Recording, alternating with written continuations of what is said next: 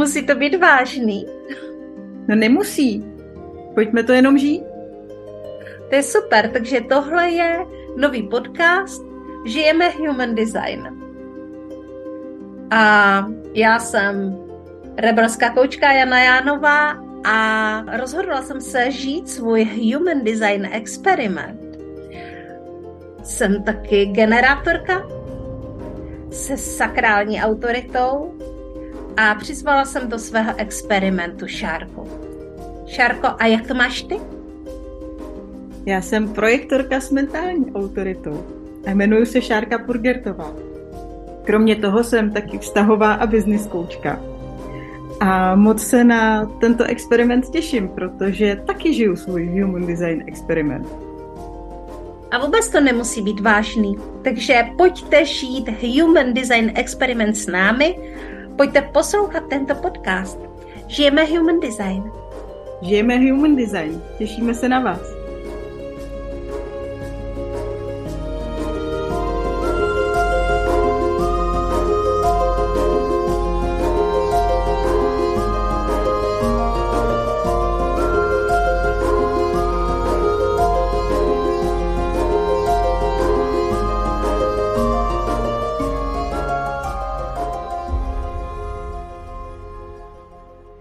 Tak, dobrý den. Eh, naše posluchačky tohoto podcastu Žijeme Human Design eh, natáčíme se Šárkou další díl a tak jsme si tady tak pracovně nazvali eh, ta naše povídání, že to je taková jako reality show a ve skutečnosti to není jenom pracovní název, to je prostě reality show. Tím, že my děláme ten experiment a žijeme ten human design, tak z různých stran zkoumáme všechna témata našeho života a jak se setkáváme s různými energetickými typy a s různými vlastně eh, těmi stránkami human designu a, a díky tomu vám o tom můžeme referovat. Tak a co jsme si teda dneska na naše posluchače Šárko připravili? Dobrý den všem. No, co jsme si připravili, protože je to reality show a protože se, jsme se tak obě jako rozesmáli dneska, tak jsme si připravili naše vztahy s našimi milými manifestory, protože občas je to velká zábava. Mm-hmm. No jo, to je pravda. tak nevím, kolik eh, roků života mě stála tady tahle zábava eh, s mým milým manifestorem, ale eh, o tom budu povídat. Já jsem žila s manifestorem, Eh, s velmi uh, zajímavým manifestorem. Do dneška si myslím, že to setkání bylo hodně osudové a žila jsem s ním, já ani nevím kolik let, ale třeba 12, jo, tak nějak plus minus. 12 let, máme spolu dvě děti. A uh, jaké ty máš vlastně možnosti se setkávat s manifestory? Já ti na to můžu odpovědět jenom to, že jsi žabař, že jo. Já už 14 let mám doma manifestora dítě jedno a po dvou letech se mi narodilo druhé dítě manifestor, takže já mám doma dva manifestory. Aha, no tak můžeme se tady přetlačovat, ano, jsem žabař. a, a to, a ještě navíc mi teďka jdou jako úspěšně do puberty, tak uvidíme, jak přežijeme s manifestorem a pubertákama. mm-hmm, mm-hmm, mm-hmm. No, No ale samozřejmě my se s manifestory taky setkáváme jako s našimi klienty, že? protože mm, občas nějaký manifestor přijde. Ono je to spíše ojedinělé, protože manifestoři přece žádné kouče nepotřebují často, ale omyl manifestoři velmi často kouče potřebují.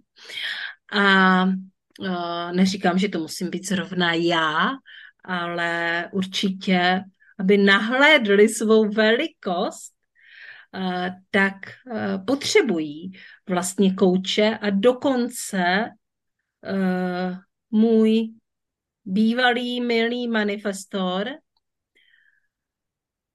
vyhledával rozhovory se mnou a vyhledává doteďka rozhovory se mnou, aby si věci ujasnil a aby je uviděl ve své velikosti. Tuhle službu jsem mu vlastně dělala ještě dávno předtím, než jsem byla coach. a jestli je tady někdo, kdo je iniciátorem jeho podnikání, tak jsem to já. Hmm. No vidíš, a přitom manifestoři jsou jediný typ, který jako iniciují sami za sebe.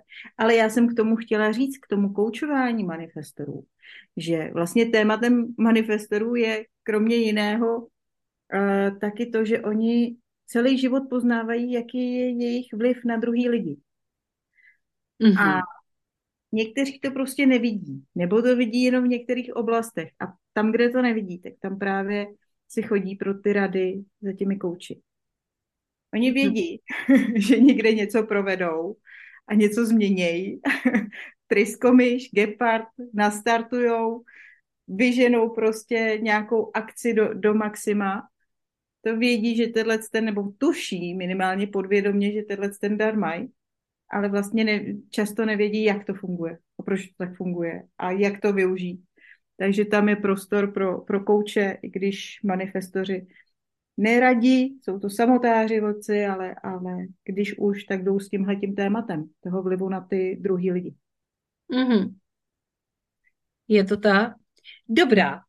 Uh, já asi popovídám o, o, o svém manifestorovi tak nějak krátce, protože možná, že se podrobněji potom jako někdy uh, uh, to ukáže v Hero Hero. Eh, chtěla bych tady zmínit vlastně svoji love story, eh, kterou jsem zažila se svým úžasným bývalým mužem, eh, který je velikánský specialista na některé věci. Řekla bych, mm, že svým způsobem i velmi úspěšný a velmi průkopnický a průrazný a vždycky měl své vlastní názory na různé věci. On je emocionální manifestor, vůbec o tom neví, protože se k němu tohle nikdy nedostalo a kdyby se to k němu dostalo, tak to okamžitě smete ze stolu, protože uh, vůbec na tyhle věci nevěří, ani trošku, ani, ani, ani co by se za nehet vešlo. Prostě vůbec. Jo? To jako neexistuje jenom racionalita, žádný duchovno, nic. Můžu ti do toho vstoupit? No jasně. Já mám pocit, že mnoho manifestrů to má takhle postaveno a existují výjimky, který tam jako věří, že nějaké duchovno je, že nějaká energie nás může ovlivňovat, že nás můžou ovlivňovat jako různé vlivy, které jsou neproskoumatelné vědou ale já mám pocit, že ty manifestoři jsou od toho jakoby odstoupený. A že i když tomu věřej, tak tomu věří jakoby pro druhý, ale ne pro sebe, nebo já úplně nevím přesně, jak to jako vysvětlit, ale že tam mají takovou jako tenkou stěnu, která ano, ono to tak může být, dejme tomu, dokážu si představit věřícího manifestora, který bude tvrdit, že to tak může být ale že pořád tam bude taková nějaká skepse, no ale na mě to nebude fungovat. Takhle bych to asi. Aha, no pozor, jo, ono a i když to na ně funguje, tak uh, to neexistuje. Ano, ano. Protože já jsem vlastně uh, kdysi byl, já ho tady nebudu jmenovat, ale někteří jako zasvěcení určitě vědí, o koho jde. Um, když jsi byl nemocný a já jsem v té době zkoumala jednu terapeutickou metodu, eh, Nebylo to EFT, ale také to spočívalo v poťukávání. A eh, tady tahle metoda dokázala vlastně tím poťukáváním na meridiány eh, jako krátko době odstraňovat, já jsem to takhle vyskoumala, jo, různé symptomy různých nemocí. A já jsem to na někom potřebovala zkoušet, tak jsem říkala, hele, já to na tobě vyzkouším. Tak uh, jsem si dovolila, jo? takže jsem vyzkoušela. Uh, kašel jsme jako zvládli, měl opravdu jako velký kašel a zvládli jsme ho na 6 hodin úplně eliminovat. Prostě byl pryč. No a po 6 hodinách zase postupně začal kašlat. Že? A uh, tak za prvé důkaz toho, že už zase kašle, bylo to, že to nefunguje, to, že 6 hodin nekašlal, v podstatě najednou z ničeho nic nebyl, nebyl žádný důkaz. A za druhé, už na sebe nenechal šáhnout. Hmm. Co no. kdyby to náhodou zafungovalo ještě jednou? Jo, tohle to se mi líbí, takhle to funguje vlastně i u těch mých uh, malinkatých uh, manifestorů, ale tím, že jsou to děti, tak tam ta jakoby ta zkušenost, ta sebezkušenost ještě jako funguje trošku jinak. Takže když jsme měli u jednoho problém s usínáním a naučila jsem ho v podstatě umeditovat se do spánku, tak eh, nebo oduvolnit se do spánku, tak eh, to používá a funguje mu to. Ale samozřejmě, když si tam prostě jeden večer řekne, že dneska to fungovat nebude, tak smůla. A samozřejmě s ním nic nehne. A to je věc, která je prostě asi nepopiratelná, že s manifestorem, pokud on sám nechce, tak je naprosto neovlivnitelný a vlastně se na něho musí jít naprostou, ale naprostou oklikou. On si my, musí myslet, že to vymyslel sám. Jo. Jo. A hlavně uh, u manifestorů obecně funguje, když já to u, u svých dětí to úplně nezažívám, ale u těch dospělých manifestorů občas, jo. Když se něco nedaří, tak se jde do vsteku. Logicky. Mm-hmm. A rozbíjí se židle. Rozbíjí, no, taky. Třeba. Ale i, i třeba takový ten jako vnitřní vztek třeba na sebe, nebo jo, takový to jako opravdu vztek, ne naštvání, ale vztek, že se něco nedaří a že to prostě nejde zlomit, tak ať už vybuchne ven nebo zůstává uvnitř, je tam prostě vztek. Co je moje zkušenost, je ideální by bylo překlopit ten vztek do klidu, že jo. to se lehko řekne. Jenomže já mám tu zkušenost, že nejlíp to jde, když se ten vztek jako pochválí. Když se řekne v tuhle chvíli jako super, vztek, emoce, posun, teďka to můžeme nějak jako zpracovat, protože to konečně vyšlo nějak najevo ven. Než když se udělá takový to nevstekej se. jo? Když se tam s tím stekem začne pracovat jakoby s pozitivním elementem toho vývoje nebo té situace, tak si myslím, nebo mám tu zkušenost, že to vlastně funguje líp, než takový to popření toho vzteku a, a sklidni se a tak. Jako upřímně řečeno, když já jsem na něco naštvaná a někdo mi říká uklidni se, tak mě to taky jako nedělá dobře, ale u těch manifestorů si myslím, že je tohle ještě jako mnohem intenzivnější zážitek. Mm-hmm. To teda je intenzivní zážitek a mám takový pocit, že oni potřebují rozpoutat takový uragán, aby všechny a všechno od sebe odfoukli, aby prostě získali nějaký prostor. Pro... Jo, ale jenom ve chvíli, kdy je to, kdy žijou svůj jako nepravý já, kdy, jsou, kdy žijou, jakoby, kdy, kdy sami sebe neposlouchají. Protože oni mnohem víc dokážou v klidu, ale nevěří. Ti, co nejsou jakoby smíření s tím, jaký jsou, ne, neznají třeba svoje dary, nebo je ani, nebo ignorují takovýhle jako náznaky, tak tam ten vztek je mnohem častější a je zbytečný. Mm-hmm. No samozřejmě, jako o tom žádná. Tady se mluví uh, o něčem, co je jako kdyby fenomén, o kterém já si myslím, že nějakým způsobem to jako změnit jen jakože omezené.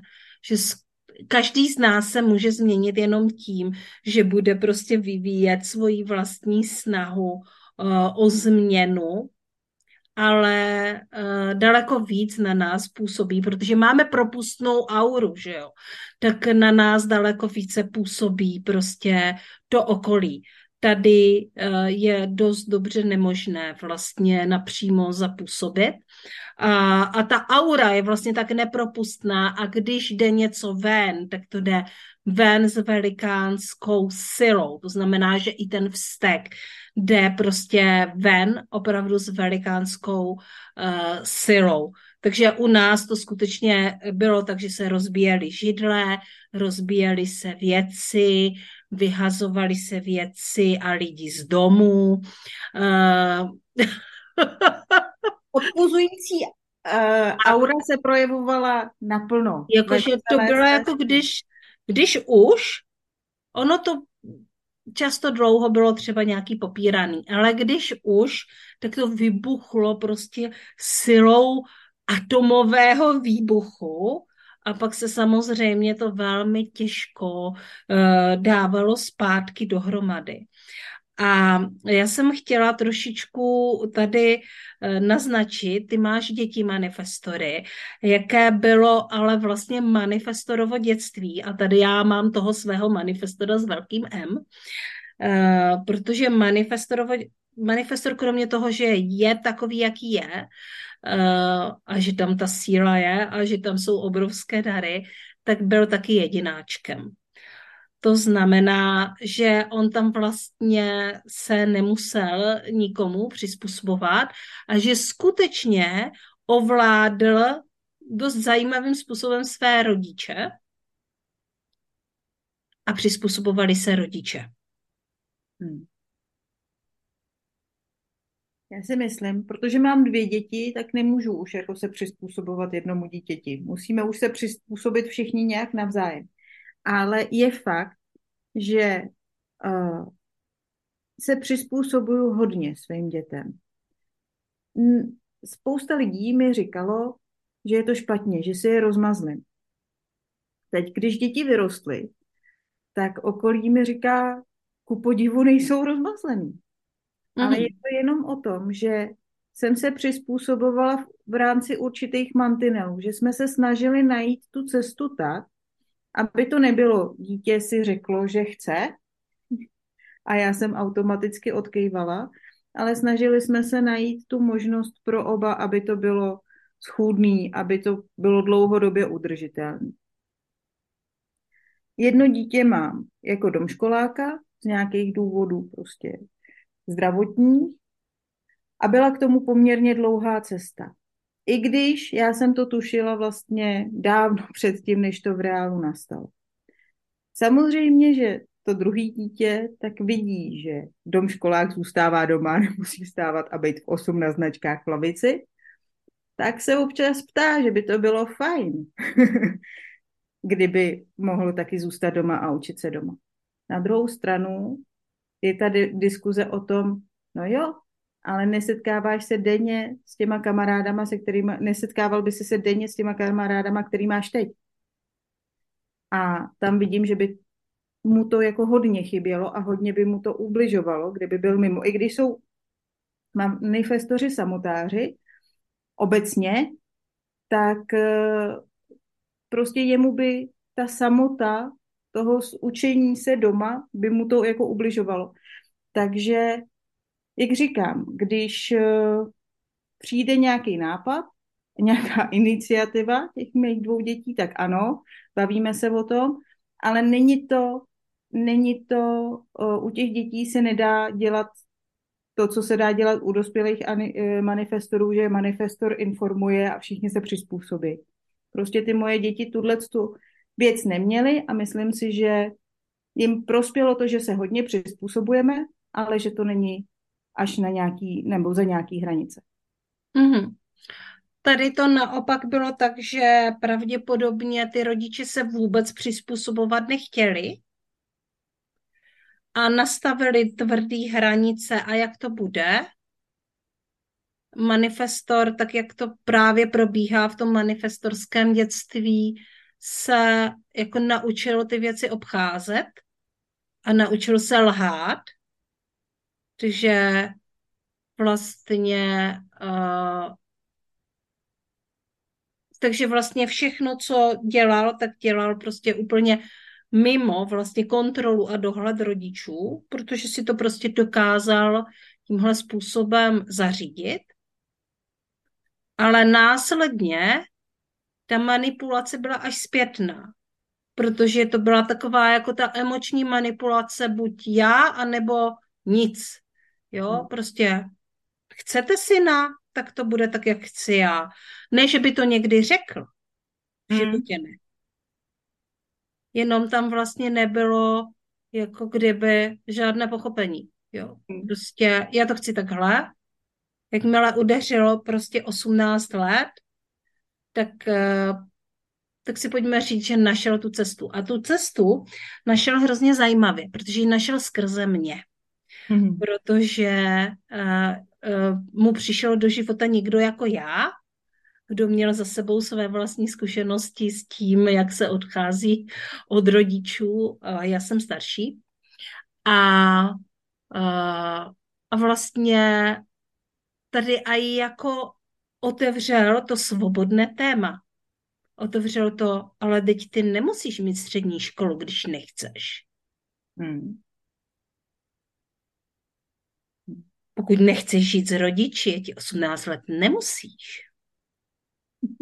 A pozor, pro manifestory je strašně důležitá svoboda. Ano. Jo. Pozor, tady toto je otvírání jako těch témat, těch limitů té svobody. Nemusíš nic jako. Pokud chceš jít prostě místo toho, protože inteligence jako genialita, ale milý manifestor chtěl jít manuálně pracovat. Mm. Pokud chceš jít kopat výkopy a chceš být chudý, můžeš. Mm. Můžeš cokoliv chceš. Takže byla, byla otevřená uh, tahle témata. Tohle se prostě uskutečnilo. Začala ta naše love story, my jsme začali žít spolu. A, a bylo to velmi a velmi a velmi dramatické. Velmi brzy jsme měli děti, asi po třech letech jsem otěhotněla a pak jsem měla hnedka další dítě. Odstěhovali jsme se prostě na vesnici, úplně do domu, kde, kde jsme si teda zařídili teplou vodu, ale bylo tam jenom vytápění na tuhá paliva. A, a zajímavý, že tímhle způsobem si manifestor realizoval svůj sen, Hmm. včetně mě s těma dětma. A pak vesele odpochodoval pracovat úplně pryč. No. Uh, jo, mě to trošku tam evokuje takový ten, ale to není uh, úplně přesný, jo, ale takový to, že nejsou úplně vytrvalci manifestoři v mnoha ohledech. Že spoustu věcí dokážou iniciovat, vést dlouho, dlouho, dlouho na tom projektu pracovat, dokud jim to dává smysl, ale pak někdy tak tryska prostě, která zažehla, tak dohoří a je čas jít prostě jinam. A třeba u uh, toho mýho syna, toho domškoláka, tak je hrozně vidět, jak mu třeba vyhovuje projektový učení. Místo toho, aby se každý den učil půl hodinu matiku a měsíc takhle opakoval zlomky, což se děje normálně ve škole při vyučování, kdy ty děti prostě v rámci těch vyučovacích hodin takhle se ty zlomky učí v podstatě měsíc, kému by to nevyhovovalo. On to potřebuje prostě jeden projekt, udělat si ho během jednoho, dvou dna, dnů, všechno si to do sebe nasáknout a pak jít zase k jinému tématu. mm-hmm. Já jako vlastně nad tím přemýšlím, že to téma, který má můj bývalý muž, má pořád jako kdyby stejný. To je jako věc, na které dokáže vytrvat, vytrvat vede jí, někdy je v tom projektu úplně sám, protože prostě ty lidi nevydrží jeho tempo, jeho intenzitu a odpadávají, jindy zase táhne všechny ty lidi jakoby za sebou tou svojí silou, ale už nemá prostor vůbec jako na nic dalšího. A krom toho to není vůbec jako člověk, se, se kterým by se, nevím, jak to má teď, ale dal v té době to nešlo žít nějaký jako rodinný život, protože on, jakož to byla hra na rodinu, ale zároveň on mi řekl, no to snad chápeš, že no, nemůžu jako každý den přijít domů a, a být s vámi, to já bych musel každý den chodit do hospody. Hmm. A takže jsme se vydali velmi málo. Takže jsme se vydali třeba jednou ze 14 dní. A mm, bylo to zajímavé, jo, protože jak z toho ven. Jak vlastně ven z něčeho, co jsem si takhle na sebe ušila. Jo. Já jsem vlastně odkoučovala a zrealizovala jednoho muže. A potom on už byl zrealizovaný. jo, ale když to vezmu jako z druhé strany, odejít ze vztahu s manifestorem je vlastně poměrně dost těžká záležitost, protože málo kdy se potkají dva manifestoři, kteří by šli do vztahu spolu. To je opravdu jako výjimka. Takže se potká buď manifestor s generátorem, s projektorem, s reflektorem, on to iniciuje a ten druhý buď reaguje, nebo prostě odpoví na tu pozvánku. A vlastně do toho vstupuje úplně jako ze svobodné vůle, ano. vlastní reakci, nechá se vlastně svým způsobem vtáhnout do toho vztahu, který vlastně ale určuje ten manifestor kompletně. A pak zjistí, že mu to třeba jako nevyhovuje. Já na to mám přesné pojmenování. No. To pojmenování je, že zjistíte, že vlastně nežijete vůbec svůj vlastní život. Že žijete cizí život, že vlastně jste se zhlídli v něčích ideálech, že realizujete uh, ty věci, které prostě ten člověk chce realizovat, že mu v tom jako pomáháte a dáváte do toho veškerou energii a nic, ale skoro téměř nic nepřichází zpátky. Jo, já tady, kdyby bylo video, tak tady všichni vidí, jak tady prostě úplně eh, souhlasím, protože já uh, mám zkušenost s lidmi, kteří jsou uh, ve vztahu s manifestory. A tam je přesně tohleto. Po x letech najednou zjistili, že to není můj vztah, ale jeho vztah nebo její vztah, toho manifestora nebo té manifestorky. Ale já jako já, ale ty lidi pořád čekají na tu iniciativu toho manifestora, že ten bude informovat ano. o tom, jak to bude dál. Ano. Bude informovat, bude nějak to jako udělá ten manifestor, protože to je přirozená odpověď na tu jeho auru, že čekáme, co ten manifestor vlastně bude dělat podvědomně, ale on často neudělá nic, protože on ten problém prostě jako nevidí. A nebo když ho vidí, tak se bude plácat v tom, že co to udělá s těma druhýma, aby náhodou neudělal jako špatný krok, protože je to vztahový a protože vidí, že už asi trošku ublížil, když už to vidí. Jo? No a když už to vidí, tak se vlastně tu iniciativu bojí udělat. No. Jako stejně to nakonec byla reakce, jo? Stejně to byla nakonec reakce na něj nebo na něco, co řekl on. On to vlastně znovu zinicioval, můj odchod od něj zinicioval.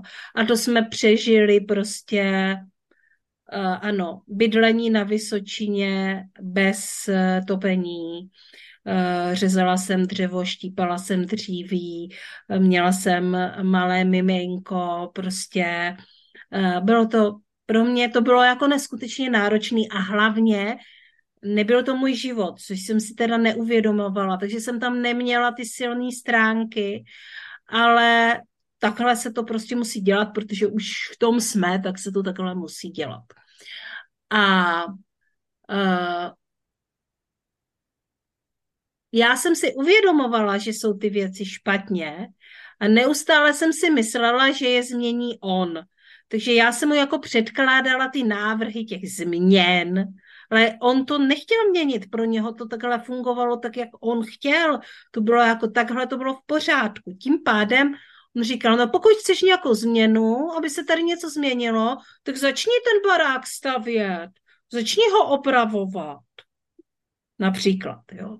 Hmm. No tak si jako tady pořiď ty, eh, ten, to vápno, ten cement, zjistí si o tom něco a, a udělej to například. Jo.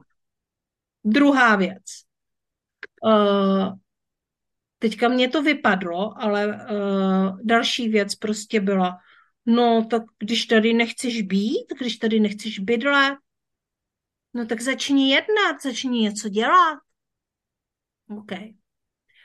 Uh, no a finální věc, která prostě přišla, uh, já jsem byla v nějakým svým splínu, ve kterém jsem teda jako mimochodem byla skoro pořád, uh, tak uh, jsem potřebovala vlastně jako tu oporu, jako o někoho se opřít, že jo, o toho svého silného muže, aby mě chvilku jako podržel, buď tady chvilku pro, pro mě, jako vůbec úplně fyzicky tělesně. A on mi tehdy řekl, ne, už ne, teď už musíš sama.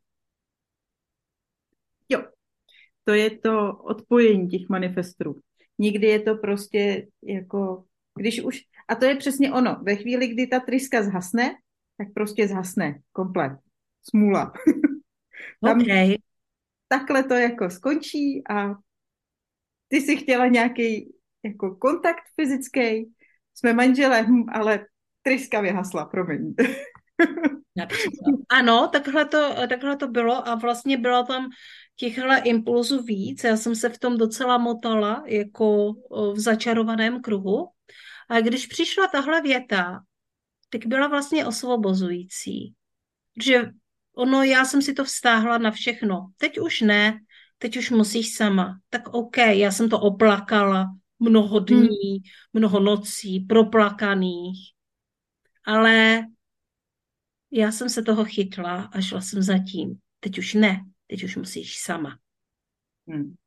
A z toho vzniklo osvobození. Hmm. Je teda nutno podotknout, že s tímhle manifestor nepočítal. Jo. No, protože to je úplně jednoduchý. Manifestor, dospělý manifestor, podvědomě ví, že iniciuje, že zažehává tu trysku. Ale neuvědomuje si, že vlastně uh, i tím, co řekne, tak generátor bude reagovat, respektive projektor to bude brát jako pozvánku a může taky jako na to odpovědět nějakou svou reakcí, se kterou ale manifestor nepočítá, protože prostě on byl vždycky ten iniciátor. A ono se to, mně se hrozně líbí, jak jsi říkala, e, že ti říkal, tak to udělej, tak to udělej. Oni mají pocit, že to je vlastně taky iniciativa, ale vlastně nechtějí, aby se to stalo, protože jinak by do toho šli sami. Začali by to dělat, začali by prostě opravdu vytvářet něco. Takže to je takový jako manifestorský alibismus. Ve chvíli, kdy manifestor řekne, hm, tak to udělej, tak s tím začni, tak vlastně je to něco, co přehazuje na toho druhého, ale vlastně nechce, aby to ten druhý udělal. A pak, když to ten druhý udělá, tak je to velký a nepříjemný překvapení. Protože vlastně to nebylo v plánu. On nepočítá s tím, že bude iniciovat někdo jiný a manifestovat. Ale my jsme si řekli tady v jednom díle, že manifestovat můžeme všichni. Hmm. A že i generátoři a dokonce i projektoři a reflektoři a manifestující generátoři mohou manifestovat a mohou manifestovat případě, že jsou v souladu se svojí autoritou, a že následují svoji strategii. A mojí strategií je prostě reakce. A já reaguji. Takže co se stalo? Zareagovala jsem a celý jsem to zmanifestovala. No. Nehledě na to, že to byla skutečně má cesta, to osvobození, protože se začaly dít ty synchronicity. Jo. A všechno mě vedlo ven z toho závislostního vztahu. Hmm. Je to tak? A uh, když to jakoby převedu zase na ty lidi, co mám kolem sebe a jsou ve vztahu s manifestorem, tak oni kolikrát slyšeli nebo vnímali, ani ne slyšeli vyloženě větu, ale vnímali takový to, no on, ona snad chce, abych se s ním jako rozešla já, ale on, ona je není, jo. Prostě ty manifestoři to někdy řeknou naplno, někdy ani ne. A ty ostatní lidi to slyšejí ale dokud tu, tu reakci neudělají, nebo dokud tu pozvánku prostě nepřijmou, tak se nic nezmění, protože ten manifestor to vlastně nechce měnit. Ve chvíli, kdy říká, udělej to, ale nezačne to dělat sám, tak to vlastně nechce měnit. Nechce to začínat. Nechce jít do toho konfliktu a radši se bude hrabat v tom svém prostě blátíčku, ve kterém bude sedět a bude se to tam takhle rochnit, to svoje blátíčko, ale vlastně jako a bude říkat těm druhým, aby to teda s tím něco udělali, když se jim to nelíbí, ale vylíst nechce. No. Mm-hmm. Já bych tady teďka trošičku chtěla jakoby očistit manifestory, protože jsou to fascinující bytosti. Samozřejmě v mužském podání to bývají i fascinující muži. A e, tohle, o čem jsem mluvila, e, je jako jeden z nejdůležitějších vztahů mého života. Já jsem se e, se svým manifestorem rozešla jako partnerka, nicméně částečně ho stále v životě mám a někdy mu občas i uh, v některých věcech pomáhám. A je to hodně na mě, do čeho jdu a do čeho ne. A on teda nemá úplně tendence mě do toho v tuto chvíli vtahovat, protože uh, jeho ego je relativně jako uražené, ale stejně chci znovu říct, že, eh, že ta síla, se kterou tento vztah probíhal, byla neuvěřitelná, že jsem za, zažila jako neuvěřitelný příběh, ze kterého jsem se skutečně hodně poučila, ale zároveň ten zážitek byl velmi intenzivní.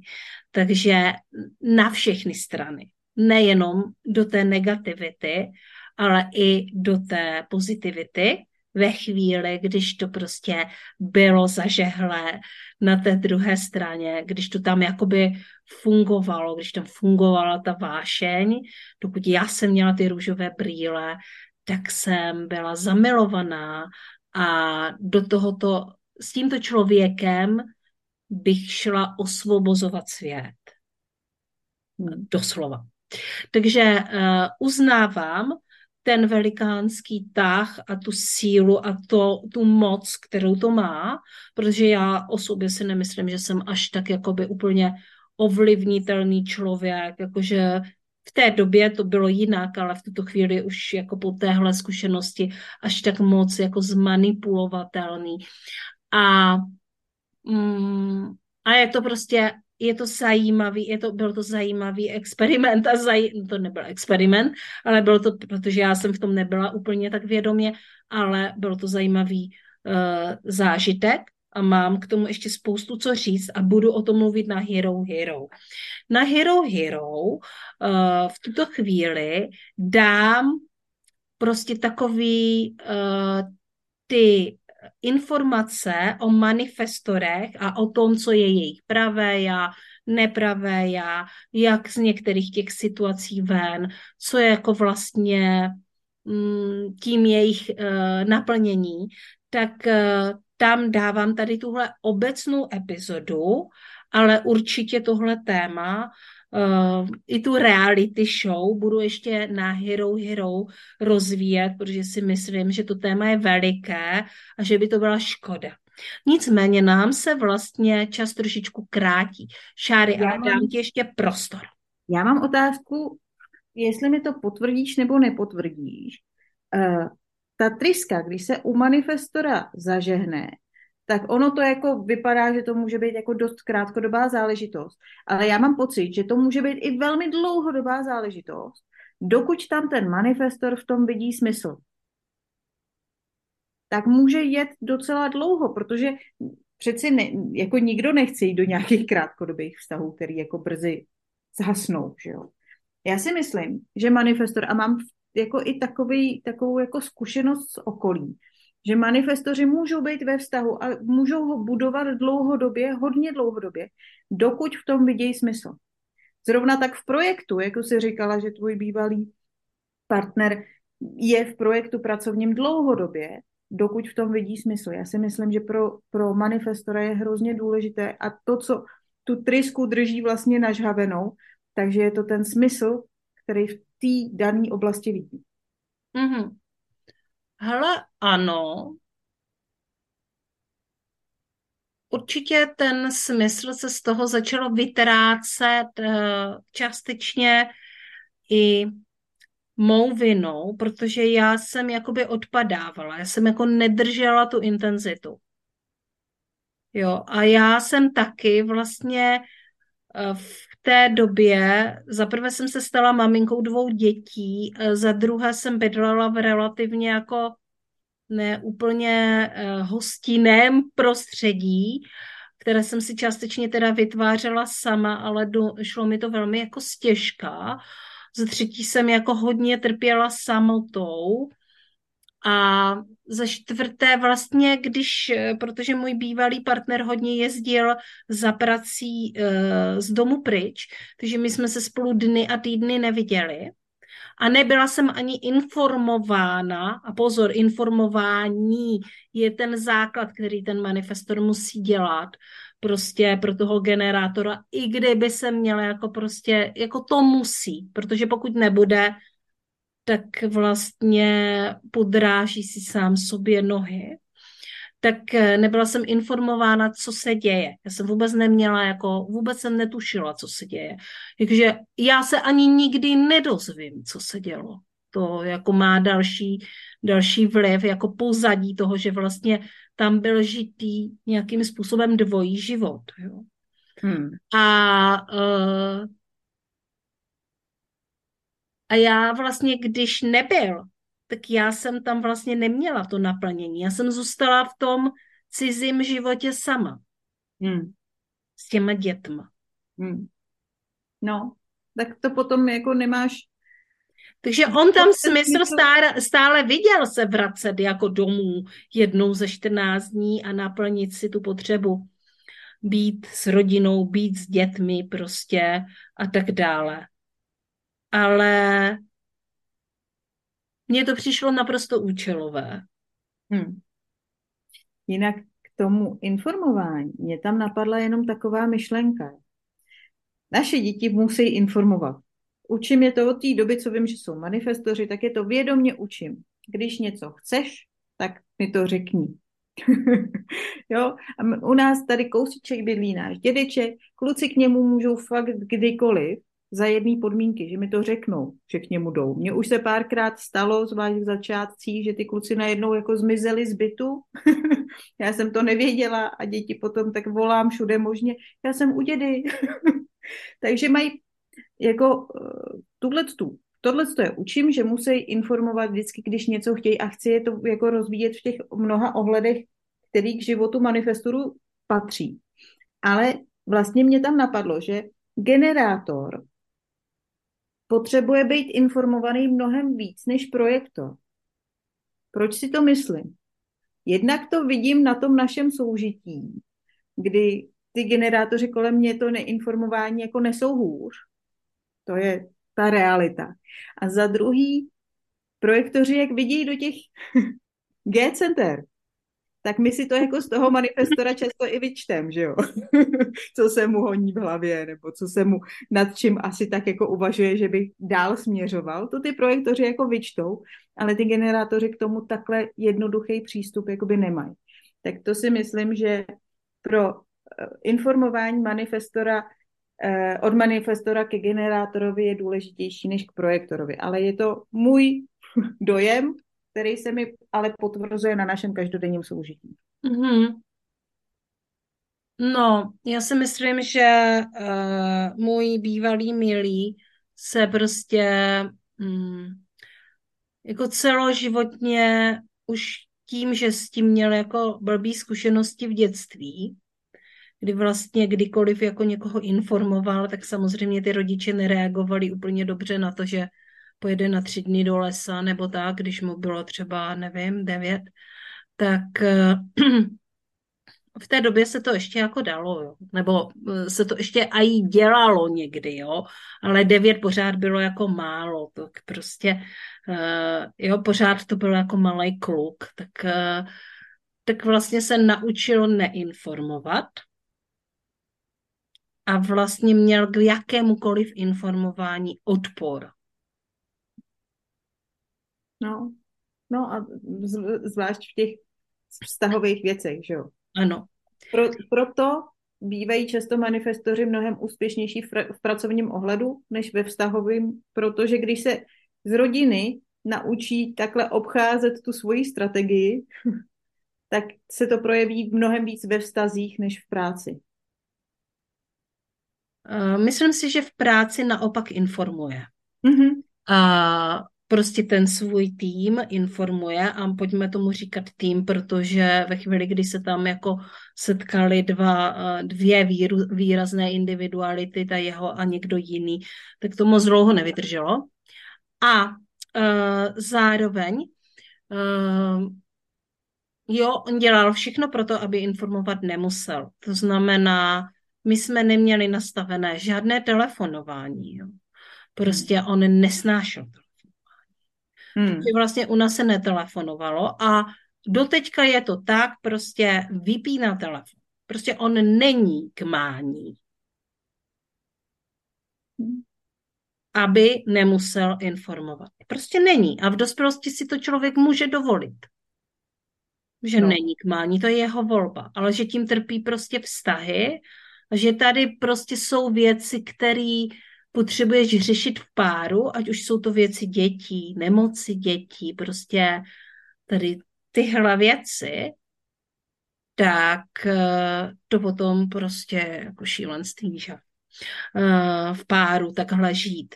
Eh, a zvlášť jako samotnému generátorovi nechá, nechanému takhle na pospas. Já jsem jako držela velmi dlouho, ale si myslím, že několik let, jako uh, jsem byla, byla ten věrný voják, jo. Hmm. Ale jednoho dne to ruplo, no. Takže tak, jo, informování určitě uh, je důležité a myslím si, že tohle by se jako vlastně manifestoři měli povinně učit, protože jim to hrozně pomůže, protože ve chvíli, když by vlastně můj milý bývalý měl tady někoho takového, kdo by skutečně jako s ním šel tu jeho cestu dál a dál v tom viděl ten smysl, tak by mu to velmi pomohlo, protože mu to samozřejmě velmi pomáhalo. A to je přesně ono. Ty jsi odešla ne proto, že by to pro tebe nebylo únosný. Bylo, dlouhý léta bylo ale protože si nebyla informovaná, kam to vede, jaký to má smysl, proč to tak je, co v tom vidí on. A to je přesně ono. Ta informovanost je důležitá pro toho manifestora samotného, protože když neinformuje, tak ty lidi odcházejí. Já jsem teda měla informace o tom, kam to vede, jaký to má smysl, protože konec konců to jsme vymysleli spolu. Jasně, ale no, byly tam tohle ty... jako, že vlastně veškeré věci ohledně jeho podnikání a potom chodil i do školy a já jsem vlastně jako velice to s ním prožívala, hodně věcí jsem se tam naučila a vlastně táhla jsem, naučila jsem se na té naší spolupráci taky jako hodně i pracovně. Co se týče komunikace s lidmi, já jsem jako hodně řešila komunikaci s lidma uh, i s týmem. Ale pardon, že mluvím tak obecně, já nechci mluvit úplně do konkrétna. Uh, nicméně já jsem nebyla informovaná o těch vztahových věcech, o tom prostě, kdy přijede domů, mm. uh, jestli se mnou pojede třeba na dovolenou, nebo jestli uděláme si společně tímhle způsobem uh, výlet. Já jsem byla prostě informovaná jenom o tom, co on uznal za vhodné.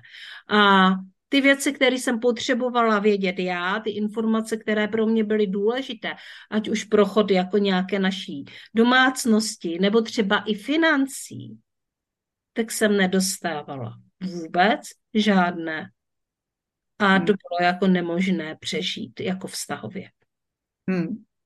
Protože co se týče vize a co se týče prostě jako těch podnikatelských věcí, tak tam si myslím, že jsme si byli jako hodně dobrými partnery a, a že jsme si byli i hodně rovní. Já jsem teda neměla nikdy tady tuhle firmu, kterou má on. Nicméně tam já jsem jako, jako velmi dobře ctila to a hlavně jsem jako byla eh, spolustrůjce, spolutvůrce tady těchto věcí. Hmm. Takže tak. A já si myslím, že už jsme úplně u konce. Přesně tak. To informování. A teďka bychom měli informovat my.